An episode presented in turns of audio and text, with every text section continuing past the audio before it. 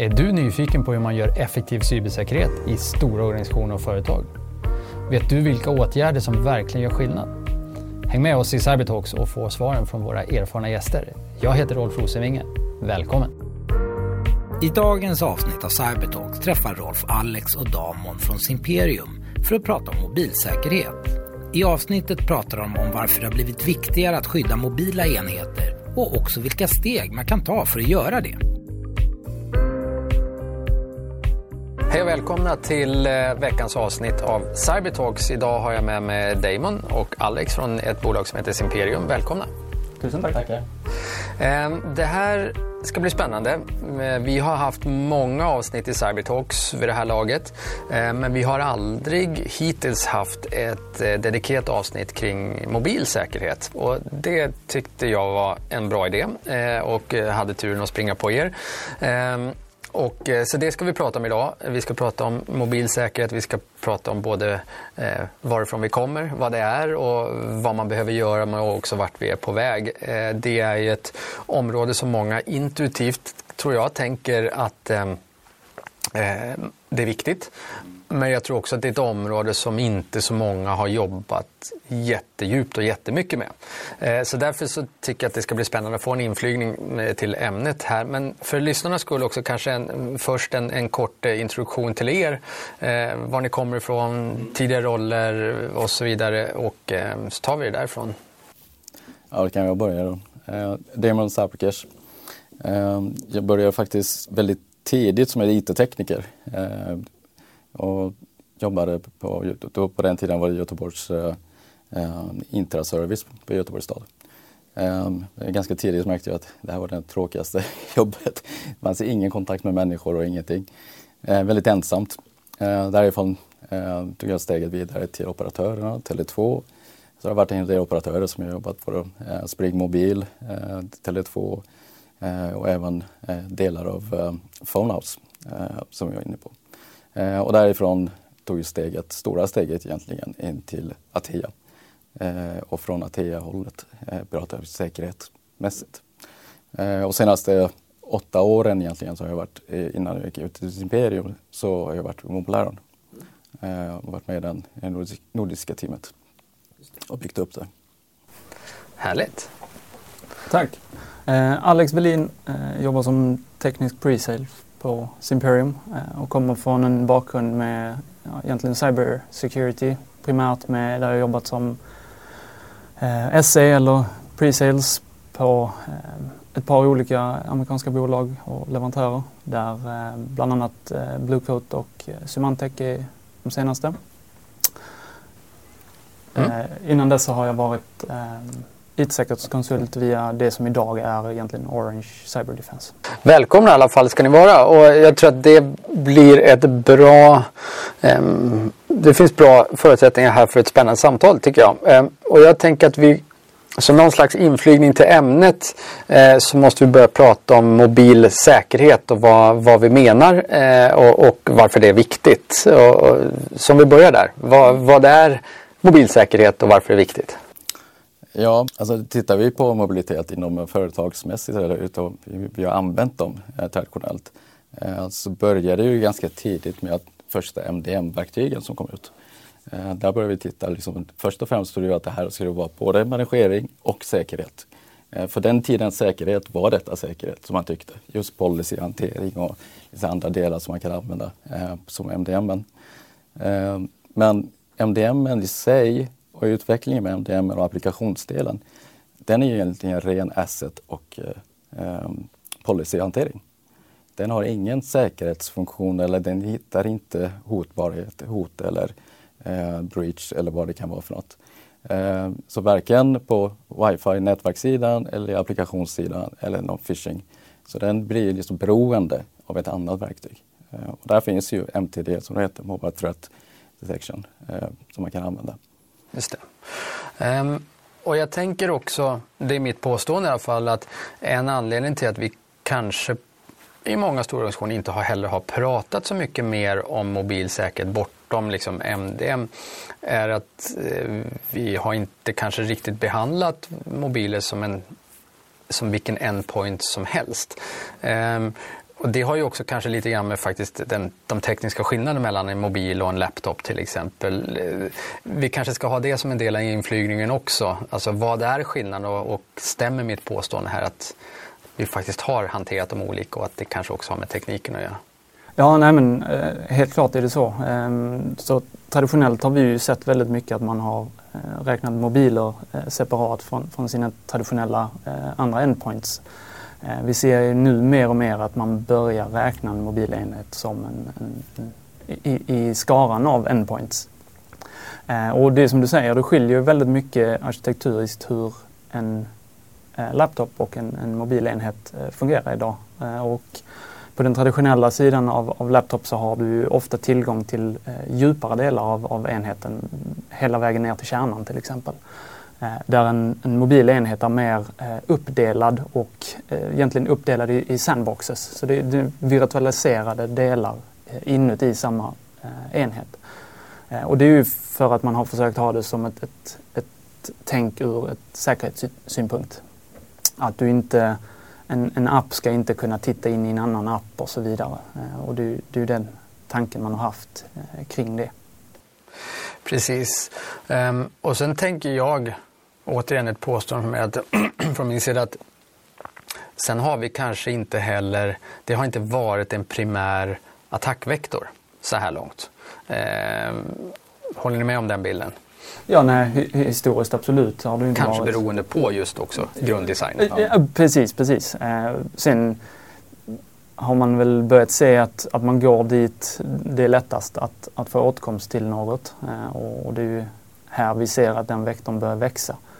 Det är vikten av att faktiskt kunna se vad som händer på enheterna och dels kunna ta action på det som händer. Eh, att det blir viktigare och viktigare.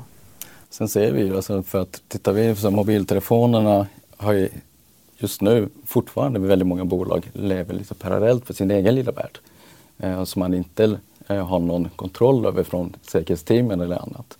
Utan de är där borta, de sköter sitt. Men det organisationen gör för att vara så produktiv som möjligt, anställa som möjligt, så ser man till att samma information, samma flöde som du har i din laptop finns ju i din mobiltelefon. Så varför har vi inte säkerheten där när vi har det så pass mycket på våra laptops? andra endpoint. Precis, och det är väl det vi ska borra lite i tänker jag för att jag tycker det är en intressant diskussion. Ehm, och, ehm, men om jag tror vi kanske också ska prata lite, för det min uppfattning är att vad många har gjort Eh, det är att man har, man har närmat sig mobilerna ur ett asset management perspektiv, till exempel med en MDM-lösning. Kan vi prata lite kort om vad du var inne på, det handlar ganska mycket om policy och, och, och egentligen och asset. Men, men kan vi beskriva vad gör en modern MDN-lösning idag och vad gör den inte? Eh, absolut. Eh, så kort och gott, eh, precis som namnet säger så är det ju för att managera dina enheter och, och addera viss nivå av extra information som du kanske inte hade sett annars. Så i, i form av versioner av operativsystem. Du kan bygga regler kring det där som säger att du måste ligga på en viss nivå. En patchnivå till exempel för att då kunna eh, ja, men enforca dina användare in i det där. Eh, MDM eh, har ju ofta mer rättigheter också än vad till exempel en, en generell app eller sådär har. Ehm, och det ger ju också möjligheter för verksamheten att faktiskt då kunna pusha ut appar och bestämma vad det ska finnas för innehåll eh, på enheterna till viss, till viss del. Ehm, och tillsammans då med en, en Mobile Threat Defense eh, så kan vi bli ännu starkare i form av att vi detekterar säk säkerhetshoten och tillsammans med ett MDM så kan vi ta action på eh, vad som ska hända om vi upptäcker allt ifrån att vi ser man in the middle attack på, på ett, ett nätverk där vi inte bör se det eh, om vi detekterar att enheten eh, har blivit ägd på något sätt eh, eller om vi börjar se tendenser till att nätverkssidan börjar ja, scanning eller liknande. Så där kan vi tillsammans med ett MDM bli starkare. Så MDM har, tar vi hjälp av för att ta action och traditionellt sett så, så um, är det ju mer för att indexera upp och titta på hur dina enheter är, var de är och pusha ut eh, de appar som du har, har bestämt dig för. Mm. Det, man kan ju säga att det, det är väldigt mycket eh, buzzword med MTD och MDM och alla de här. Men för ett folk som jobbar kanske inom eh, på säkerhetssidan som inte är vana vid de här delarna så det är svårt att veta exakt vart de här ska hamna någonstans. Eh, vi kan alltid en liknelse med att MDM är som din eh, managementkonsult. Eh, det kan vara SSM som liknande som den. Eh, och därefter så har du ju två andra delar när du har dina andra imports. Du har EPP och EDR som hoppar in där. Eh, men på mobil så har du inte samma struktur utan du börjar med MDM för att managera. Sen har du ett steg ner till MTD som är både EPP och EDR eh, som den hanterar. Men de är fortfarande beroende delvis av varandra. MTD kan göra ganska mycket själv men det blir bäst när de jobbar tillsammans. Och då var vi inne lite grann både på liksom nuläget och också så här, börja titta lite grann på vad, vad, så säga, vad utveckling och lösningar. Men jag, jag skulle vilja så här, backa tillbaks ett halvt steg till eh, fortfarande kring liksom var, var många ändå, jag uppfattar, befinner sig. Att man kanske har rullat ut en MDM. Och, um, och då är min fråga egentligen så varför, om, man, eller om jag backar ytterligare lite, på övriga liksom, övrigt säkerhetsarbete så har det skett väldigt mycket liksom, under, under de senaste åren. Det har varit väldigt mycket fokus på liksom, own your endpoints och liksom, kriget står där och sen så jobbar man absolut med andra eh, delar, alltifrån nätverksanomalidetektion eh, och, och, så vidare. Men liksom, du måste äga endpointen har ju varit liksom, en core strategy för, för, för många och därav the rise of EDRs och, och så vidare. Men, och då funderar jag så här, varför har vi ännu inte sett, eh, alltså varför är vi i början av den här rörelsen på mobilsidan? Och min fråga egentligen är så här, och kanske ett påstående också. Kan det dels ha att göra med att vi inte har historiskt sett sett, eller eh, mobiler har inte varit en så tydlig attackvektor att den har nyttjats så mycket. Och sen tänker jag att en annan komponenter är det också för att mobilen är ju lite grann, den, den börjar röra sig ut i gränslandet mellan företaget och det privata.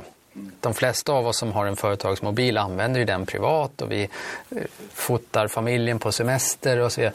Har det varit svårt för säkerhetsorganisationen att, så att säga, få famna mobilen som, som, som asset-typ på grund av det, tror ni? Mm. Du, eh, ja, nej, jag håller absolut med. Jag eh, håller absolut med. Och det, det är en, en så pass svår del för att alla håller sin mobiltelefon väldigt, väldigt kärt. Man, som du säger, man tar allt ifrån bilder till att skicka privata sms och, och, och, så vidare. Och har man inte tidigt från verksamhetens sida tagit ett grepp kring det så blir det ju svårare och svårare ju längre tiden går. Men det blir också viktigare eftersom att man hela tiden ser att, att attacker breddar sig, man använder de vektorerna som är lättast. Och mobilen är fortfarande en sådan som lämnas åt slumpen. Liksom. Man har ju väldigt, väldigt mycket verksamhetskritiska applikationer som man kör. Eh, allt ifrån sin, sin e-post till eh, file sharing till liksom, ja, andra typer av collaboratives. Eh, men också tvåfaktorsautentisering. Och det är ju den informationen som man då möjligtvis vill, vill komma åt. Så vikten av att säkra upp den är ju, är ju stor. Och, men, men jag tror absolut det är som du säger att, att man håller enheten så pass kärt och den har legat lite i ett gränsland från att det har kanske ansvarats av, av mobilitet till att kanske mer och mer tangera in till att ta hand om av, via ett säkerhetsteam eller liknande. Sen är det ju så pass, eh, alltså tittar man, eftersom det är precis som ni säger, så pass mycket information, privat information som ligger där. Vill man ju absolut inte lämna den vidare eller få släppa in någon som man känner sig som ett inträngande, liksom komma in och se organisationen ska kunna se mina saker eller inte. Eh, och det här är ju inte, det är ju, först och främst är det omöjligt för de här verktygen att kunna se den privata delen. Eh, och det har ju med arkitekturen att göra i Multireform, så det inte går att göra det. Eh, men därifrån är det upp till företagen att informera eh, så gott så mycket som möjligt. Hellre för mycket än för lite eh, för användarna. Och precis, för, för det tycker jag också är en viktig poäng här. Kan vi, kan vi, kan vi borra lite i den? Då, så att säga? Vad, för jag tror att det finns många CISO som står där ute och så att säga, intuitivt känner att vi börjar få rätt bra koll på våra vanliga endpoints. Vi bör nog ta bättre grepp om våra eh, mobiler. Men man är också fullt förståeligt. Jag har också varit i den typen av diskussioner när jag var CISO. Övervakning och just att mobilen har den där rollen att det är gränslandet till det privata. Så, men kan vi, kan vi så att säga, hjälpa till och shine a little light här då? Vad är, som du är inne på, vad är det man egentligen kan se? Vad är det man övervakar? Vad är det man inte övervakar med moderna verktyg? Vad, vad är egentligen exponeringen för, för den anställde? Och är det ens någon? Och den ja. tycker jag skulle vara lite intressant. Ja, absolut. Eh, det, det är precis som du säger, alltså det finns ju det finns en generell bild som man tror att det finns. Som man, det finns i alla filmer, man kan se allt. Eh, det är klart att jag kan se mina sms och mina familjebilder. Eh, men som vi är inne på, att det, det går egentligen per arkitekturen med de här verktygen som finns. Med MDM till exempel, eller med managering eller med MTD på säkerhetsprotokollen som man använder. De är primärt gjorda för att de ska gå in på företagsinformationen och säkra den biten. Så de lever ju i sin egna del. Speciellt MDM eh, gör ju det. Eh, så den har ju absolut ingen eh, kontakt eller något sätt att komma åt det privata. Och sen pratar vi om MTD-sidan där man jobbar kanske med machine learning och de delarna för att få till informationen. Och där tittar man ju tillgången till hur operativsystemet beter sig. Eh, man har fortfarande tillgång till de privata delarna, varken i iPhone eller Android. Eh, så det, så det går egentligen inte att göra det. Sen om man blir hackad, det är en helt annan sak. Eh, då kan man definitivt, då är plötsligt allting öppet. Mm. Och det är därför vi behöver, behöver ha de här skyddarna, vi inte hamnar där.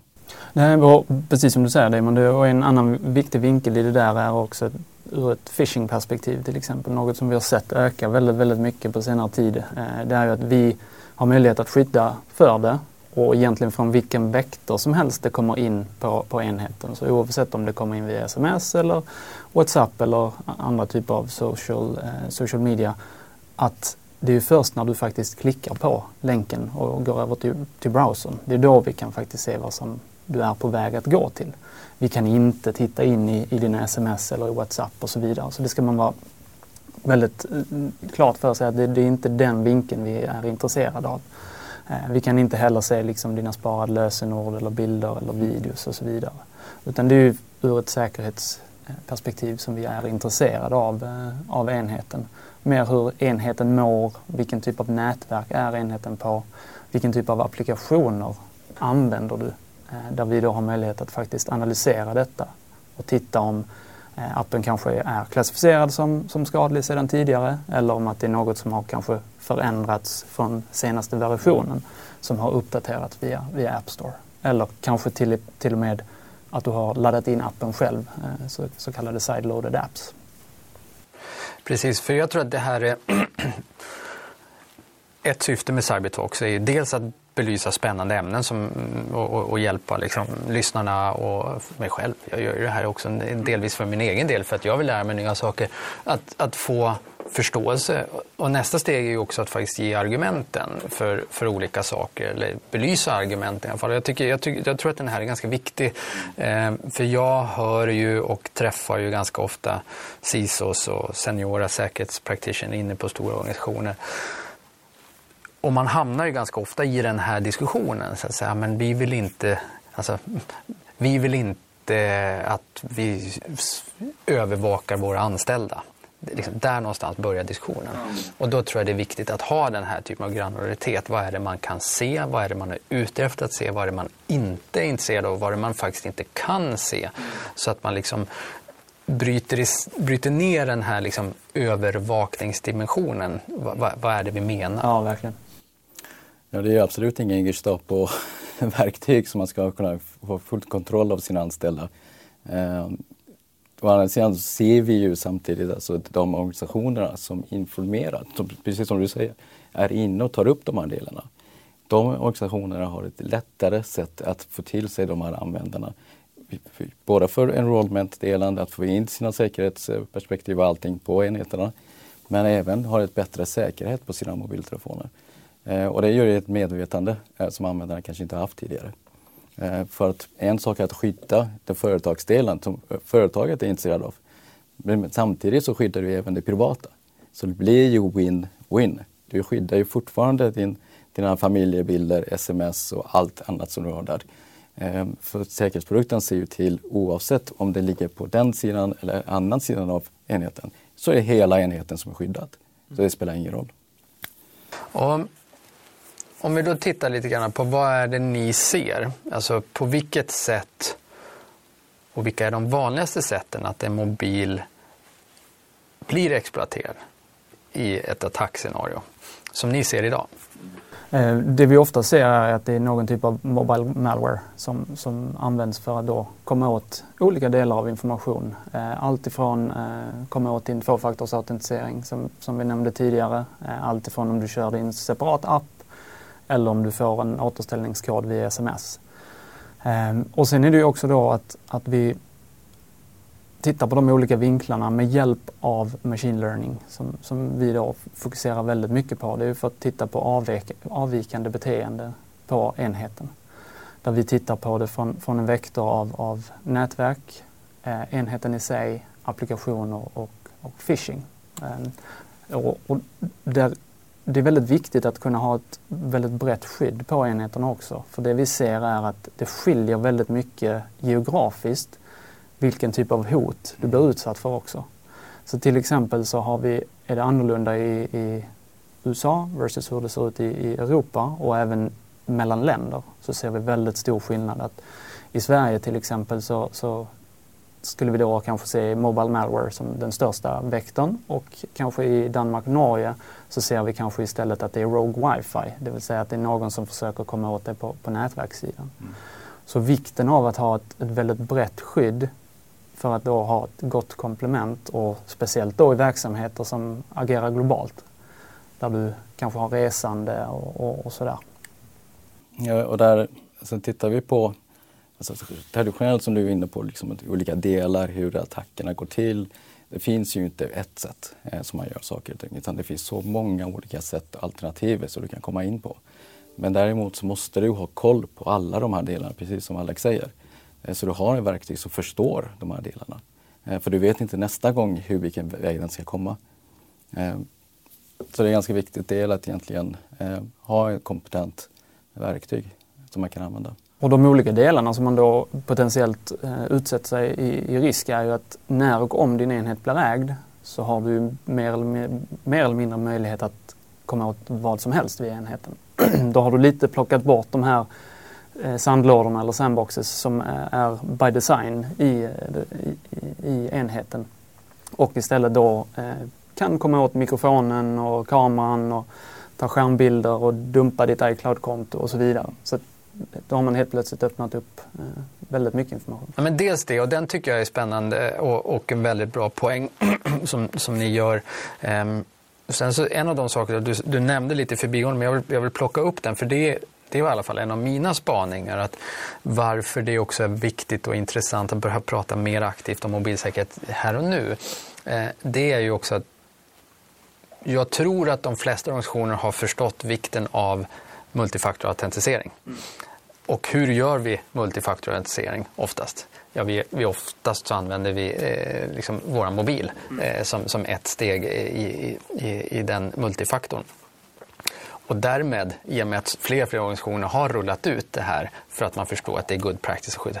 Bara av den anledningen, för mig är det en av liksom de, de stora skälen till att också förstå att om jag då är beroende för min säkerhetsarkitektur och får för min multifaktorautentisering av mobilen, då blir det ju, blev det ju helt plötsligt också betydligt viktigare att skydda mobilen. Ja. Precis. Make sense? Mm. Ja, nej, absolut. Eh, Zero Trust är ju ganska bra i, i det där tankesättet att du Ja, då lägger du med det, mobila enheten fast du har då i själva verket inte verifierat att den är okej okay innan du plockar in den. Eh, och det är ju tillsammans med då eh, EDR och XDR att du behöver ha visibiliteten. För det kan ju vara så att en användare av misstag läcker sina credentials på sin mobil eh, och sen helt plötsligt så ser du att det är någon som loggar in från en annan vektor. Eh, då har du ju faktiskt ingen aning om vad det faktiskt hände från första början. Mm. Exakt.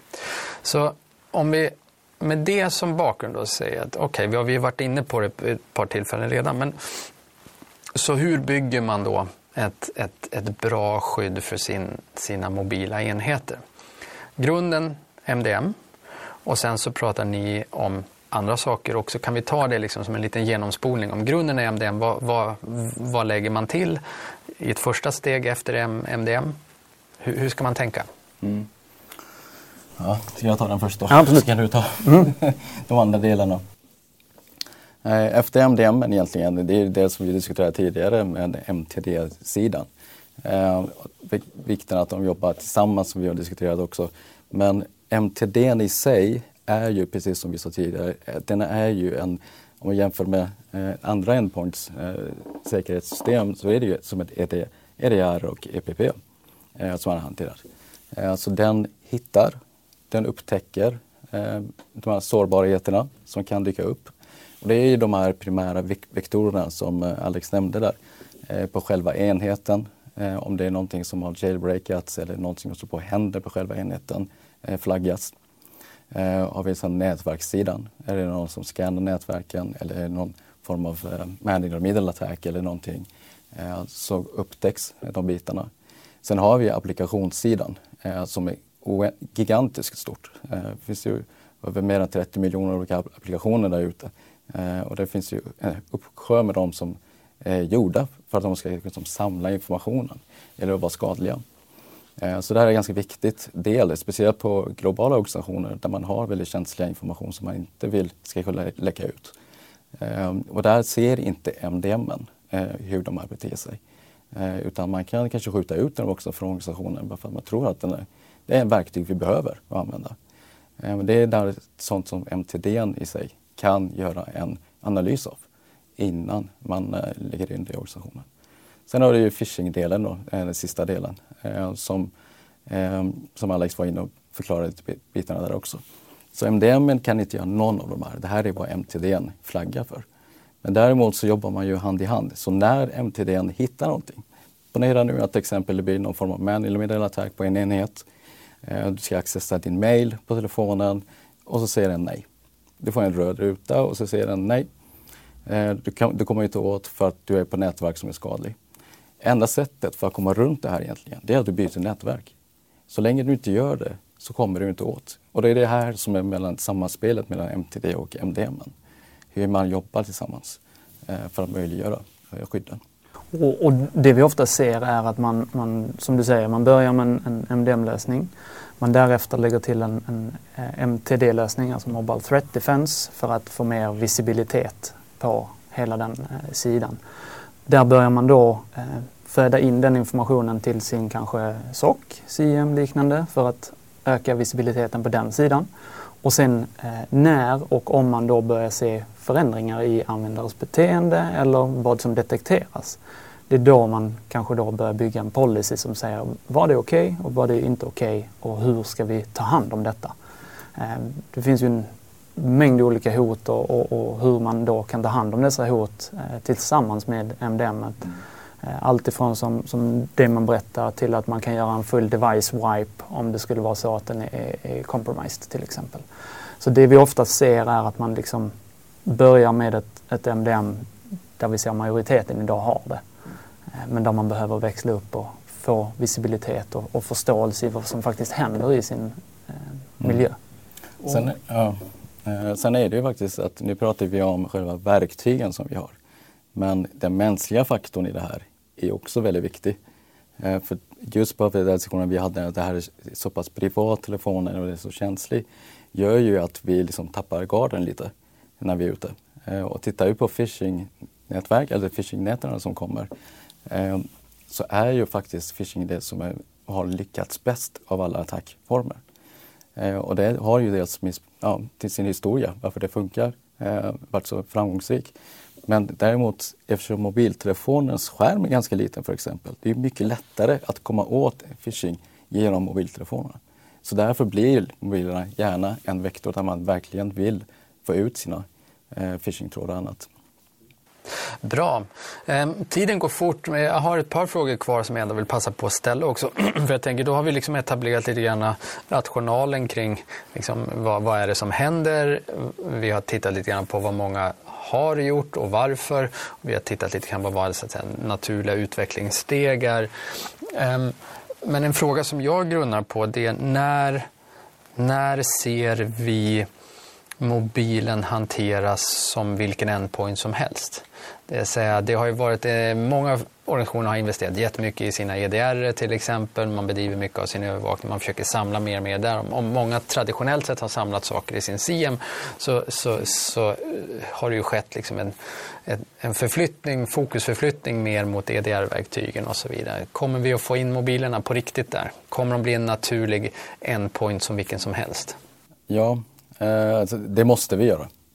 Jag tror inte vi har någon annan val egentligen. Och snarast eh, möjligt. Ja, så fort som möjligt. Eh, det är faktiskt lite beundransvärt att vi redan nu inte har gjort det.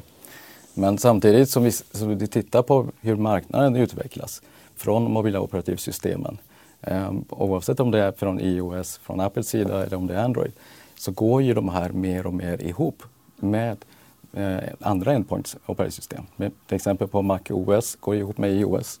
Så gränsen där försvinner ju hela tiden. Och likadant på Android-sidan. Eh, så när den gränsen försvinner så blir det mer eh, smaksak egentligen för användarna. Vad vill du ha? Du klarar det lika bra med en mobilenhet eller om du ska klara det med en laptop. Eh, så hur vill du jobba? Och därav egentligen blir det ganska tydligt för CISO och andra att det här är en endpoint som vi måste räkna med. Det här är inte någonting som kan leva för sig själv längre. Och ovanpå det så kommer du då, du kommer kunna köra Android Eh, APK-appar eh, mm. i Windows alldeles strax också som då blir en ytterligare addering till detta. Och vikten av att då ha förståelse av vad som faktiskt körs och ha visibilitet in i det. Så jag, jag kan fortfarande inte riktigt förstå att man inte har eh, velat ta den visibiliteten mm. tidigare. Och man behöver ju inte gå fullfjädrat direkt ut av att faktiskt ta action på det som händer. Men åtminstone att få visibiliteten i ett, i ett första steg är oerhört viktigt. Det där skulle jag faktiskt rekommendera nu alla lyssnare att som första steg för att skydda sina enheter, lägg dem som en endpoint. Klassa det som en endpoint. Mm. Börja där. Nej, men jag tror att det, det, här är, det här är bra och det är eh, viktigt. Vi träffar ju ganska ofta team inne på stora organisationer som också har till uppgift att alltså, jobba med detect och respons. Och en stor utmaning är ju verktygsfloran. Mm. Och eh, både när man pratar med de teamen och ibland när man pratar med SIS så, så, så, så har vi diskussionen men hur kommer jag till den här holistiska bilden över vad som faktiskt händer? Var i organisationen är vi utsatta? Var är vi under attack? Var är vi sårbara? Vad är det som händer? Och det är ju en stor utmaning att få ihop den bilden därför att det finns så många olika, alltså, det finns så många datakällor egentligen. Så bara ur den anledningen så tror jag att det skulle vara både bra och nyttigt för många av de teamen att få in mer och mer mot, mot samma typ av konsol som man sitter och jobbar i och får större och större helhetsbilder. Är det, är det en rimlig bild, är det, ja. är det en rimlig vision att, att eh, jobba mot? Ja, absolut. Uh, jag skulle säga att det här bilden som du målar upp, det är exakt dit vi är på väg. Men det har inte gått så pass fort som vi hade hoppats på. Nu, fortfarande nu så finns det ett mobilitetsteam och ett säkerhetsteam som kanske inte är sammanflätade i organisationerna. Eh, och däremellan hamnar ju mobiltelefonerna hela tiden. Eh, men de här kommer ju gå ihop. Eh, det här börjar ju ses som en endpoint, precis som vi diskuterade tidigare. Då hamnar det hos säkerhetsteamen. Och mobilitetsteamen kommer fortfarande vara med. Det är inte att de blir av med jobben. Det finns väldigt mycket applikation, mobila applikationer och andra sätt att jobba som kommer finnas kvar och utvecklas ännu mer på den delen. Yes. Eh, tiden går fort. Eh, sista frågan tänkte jag som jag också vill passa på att ställa när jag har er här. Det är vilka övriga trender ser ni? Eh, vad har vi ännu inte hunnit prata om som man ändå kanske borde nämna i ett sånt här sammanhang som ni ser? Det kan vara hot, det kan vara teknikutveckling, det kan vara, det kan vara ganska brett egentligen. Ja, säger du Alex? Ska vi börja? Börjar du? Eh, ja, alltså, tittar vi ur ett perspektiv där hur tekniken går ju framåt, hårdvaran går ju framåt, eh, operativsystemen eh, går ju väldigt fort framåt just nu. Eh, bara sen har ju vi, alltså, traditionellt har man ju tänkt kanske bara för att, bara för att speciellt när man gör det i OS-enhet så är jag säkrad, för det har ju Apple sagt. Samtidigt så släpper de varje månad eller kvartalsvis nya uppdateringar eh, alltså prata emot sig själva lite eh, på de delarna. Och samma sak gäller ju Android, så det är inget, inget konstigt. Men det är vi vana vid. Det, det är ju så det är. Och sen ser vi ju att större organisationer, eller bad guys eller vad man ska kalla det för något. Eh, det finns ju ett otroligt mycket pengar att tjäna eh, på att göra exploits och annat. Eh, den hemsidan Zoridium eh, har inte varit inne på, om ni har varit inne på det här, så ser ni där att det finns ju alltså upp till 2,5 miljoner dollar betalar man för en exploit. Alltså för 2,5 miljoner dollar, det kan få väldigt mycket gjort för de pengarna. Eh, så det finns väldigt mycket springande för att få till de här enheterna som ska komma på den nivån. Eh, och där har vi inte ens pratat om sen eh, andra hotbilder som kan ligga upp med stat eh, som vi ser väldigt ofta. Det är en trend där det faktiskt det som kanske kommer mest nu, i, om vi tittar lite kortsiktigt, så är det eh, som hacks från stater. Det har växt jättemycket. Eh, där egentligen tillgång är ingen problem längre utan man har hur mycket tillgångar som helst och hur mycket tid som helst. Eh, och därav kommer man fortsätta använda det. Eh, och sådana attacker som Pegasus till exempel, eh, som hände, de här kommer ju öka. Eh, de här kommer ju se fler olika alternativ av de här som kommer komma. Hörni, det har varit superspännande. Jag tror att det låter som att vi är eh, rörande överens om att, att eh, mobilerna förtjänar eh, kanske lite mer uppmärksamhet och kärlek eh, från säkerhetsteamen. Mm. och om inte annat så för det, både det faktum att vi ser faktiskt, alltså det är en, en ökande antal incident som kommer in den vägen men också kanske faktiskt, jag är inne på, tillbaka på det här genomgångsledet, att eftersom många har rullat ut MFAs så mm. kommer man ju också, så blir mobilen intressantare av den anledningen att, att ge sig på helt enkelt. Jag eh, tycker vi har fått en bra också liksom, genomgång på var man börjar, vad man gör sen och vart vi är på väg. Och, eh, jag, tycker att vi avrundar där med eh, en förhoppning om att mobilen snart så att säga, blir klassad som en riktig vanlig endpoint ja, i, i, i, fler organisationer. Det är den där. Det är den värd. Det är den värd, precis. Det låter som en eh, bra avslutning, eh, Alex och Damon. Eh, stort tack för att ni vill vara med på i Cybertalks. Tusen tack. tack. Och till alla lyssnare, until next time. Podden är ett samarbete mellan Orange Cyber Defense och Paliscope och spelas in och klipps på Om Media.